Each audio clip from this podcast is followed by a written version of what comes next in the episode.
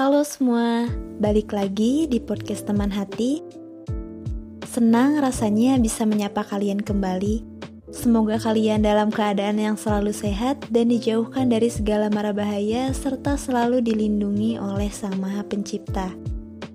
Balik lagi, balik lagi, hari ini kita akan membahas minimalism, metode streamline, yang mana podcast hari ini adalah lanjutan dari podcast episode sebelumnya yang membahas metode streamline.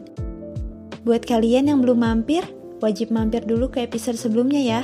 Linknya aku taruh di description box. Kalau udah langsung aja balik lagi ke video ini. Hari ini kita akan bahas metode streamline yang ketiga, yaitu singkatan dari huruf R-nya. Sebelumnya, review dulu sedikit ya dari pembahasan kita yang sebelumnya. Langkah pertama itu ada start over, atau mulai dari awal. Kemudian yang kedua ada trust, treasure, or transfer atau buang, simpan, atau berikan. Dan sekarang kita bahas langkah yang ketiga, yaitu huruf R dari streamline. Ini merupakan singkatan dari reason for each item atau alasan suatu barang. Nah, kalau sebelumnya kita udah mulai dari awal, terus udah mulai juga decluttering nih dan udah membagi barang-barang kita menjadi tiga kategori, simpan, buang, dan berikan. Dan yang ditambah satu lagi ada barang yang diputuskan nanti.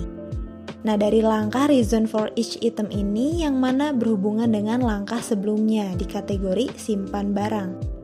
Setiap kalian akan menempatkan barang ke kategori simpan, diamlah sejenak terlebih dahulu dan pertimbangkan lagi keputusan itu kita harus bersikap seperti satpam penjaga yang benar-benar menyeleksi dengan ketat barang yang akan menempati seisi rumah kita. Jangan sampai ada barang-barang yang mudah lolos nih. Pastikan barang-barang dalam kategori simpan ini telah melewati seleksi ketat. Selain itu, pastikan juga bahwa barang-barang yang kalian pilih mempunyai suatu alasan kenapa dia berada di rumahmu. Apakah karena barang itu sering digunakan olehmu? Atau membantumu lebih mudah dalam bekerja? Atau bernilai estetis tinggi? Atau mungkin barang yang sulit digantikan, memilih banyak kegunaan, menghemat waktu, atau mungkin itu adalah warisan keluarga yang sangat dihargai. Saat kita memilih barang untuk kita simpan, biasanya ada barang-barang yang layak untuk disimpan namun ternyata ada barang lain yang memiliki kegunaan yang sama, seperti barang-barang kembar atau barang dalam jumlah yang banyak nih. Biasanya barang-barang ini muncul dari hadiah atau kita membelinya sebagai pengganti. Seperti contoh, kita membeli kursi baru, kursi lama kita pindah posisi deh ke ruangan lain. Nah, contoh lain nih, sepatu Ketika kita punya sepatu baru, sepatu lama cenderung masih kita simpan untuk digunakan ketika cuaca sedang buruk. Nah, cobalah untuk menyimpan barang-barang terbaik dan menyingkirkan barang lainnya.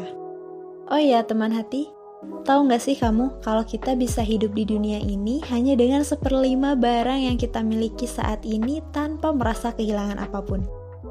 Lalu, untuk apa kebiasaan kita yang suka membeli barang dalam jumlah banyak? Seperti klip kertas, karet gelang, berpuluh-puluh ikat rambut, toh kita tidak akan bisa menggunakan semuanya dalam satu waktu. Kalau kita hanya perlu segenggam klip kertas, mengapa kita memiliki seember? Setelah kita selesai memilih barang di kategori simpan, kita harus mengevaluasi ulang nih. Tanyakan lagi pada diri sendiri, apa manfaat dari barang itu dan seberapa sering barang itu digunakan. Jika kamu nggak bisa jawab pertanyaan itu, barang itu tidak sepatutnya berada di kategori simpan. Apakah barang itu sudah digunakan dalam setahun terakhir ini? Dan apakah kamu punya rencana untuk menggunakannya lagi dalam waktu dekat? Apakah barang itu membuat hidupmu menjadi lebih mudah, lebih indah, dan kamu lebih bahagia? Bagaimana caranya? Apakah sulit merawat atau membersihkan barang itu? Dan kalau iya, apakah masih sebanding dengan upaya yang harus dilakukan?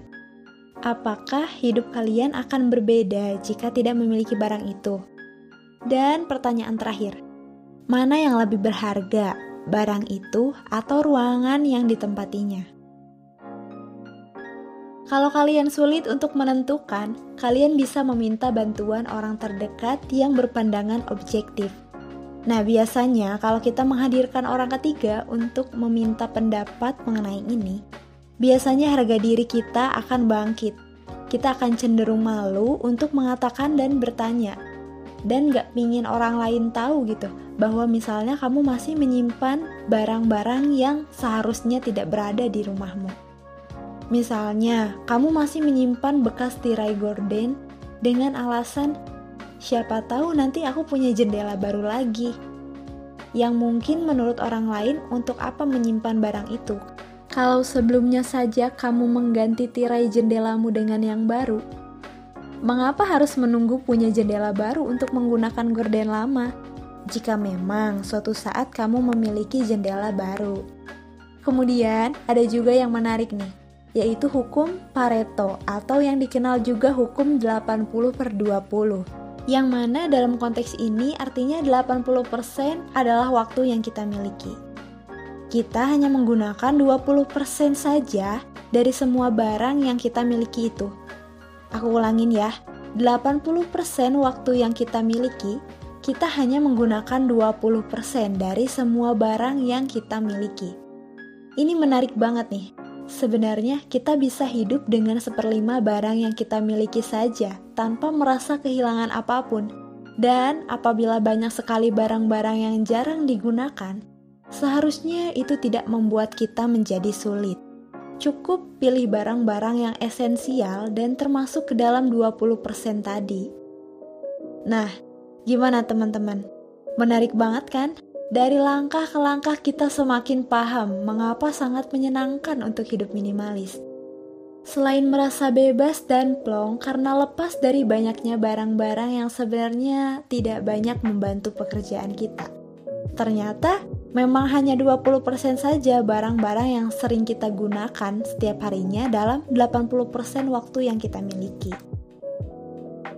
Pembahasan kali ini membuat semakin bersemangat untuk menerapkan hidup minimalis. Karena dari sini kita juga belajar bahwa kebahagiaan bisa didapat dari sebuah kesederhanaan. Nah, mungkin itu aja yang bisa aku share ke kalian di podcast kali ini. Nantikan episode selanjutnya yang akan membahas metode streamline langkah keempat dan tentunya akan semakin menarik lagi pembahasan dari minimalis ini. Tetap semangat menjalani hari dan enjoy jalaninya. Jangan lupa olahraga juga untuk mengeluarkan racun-racun dalam tubuh kita. Selain itu juga, mood kalian setidaknya akan lebih baik dibandingkan apabila kalian gak olahraga sama sekali. Jangan lupa bahagia dan terus berusaha memperbaiki kualitas hidup kita.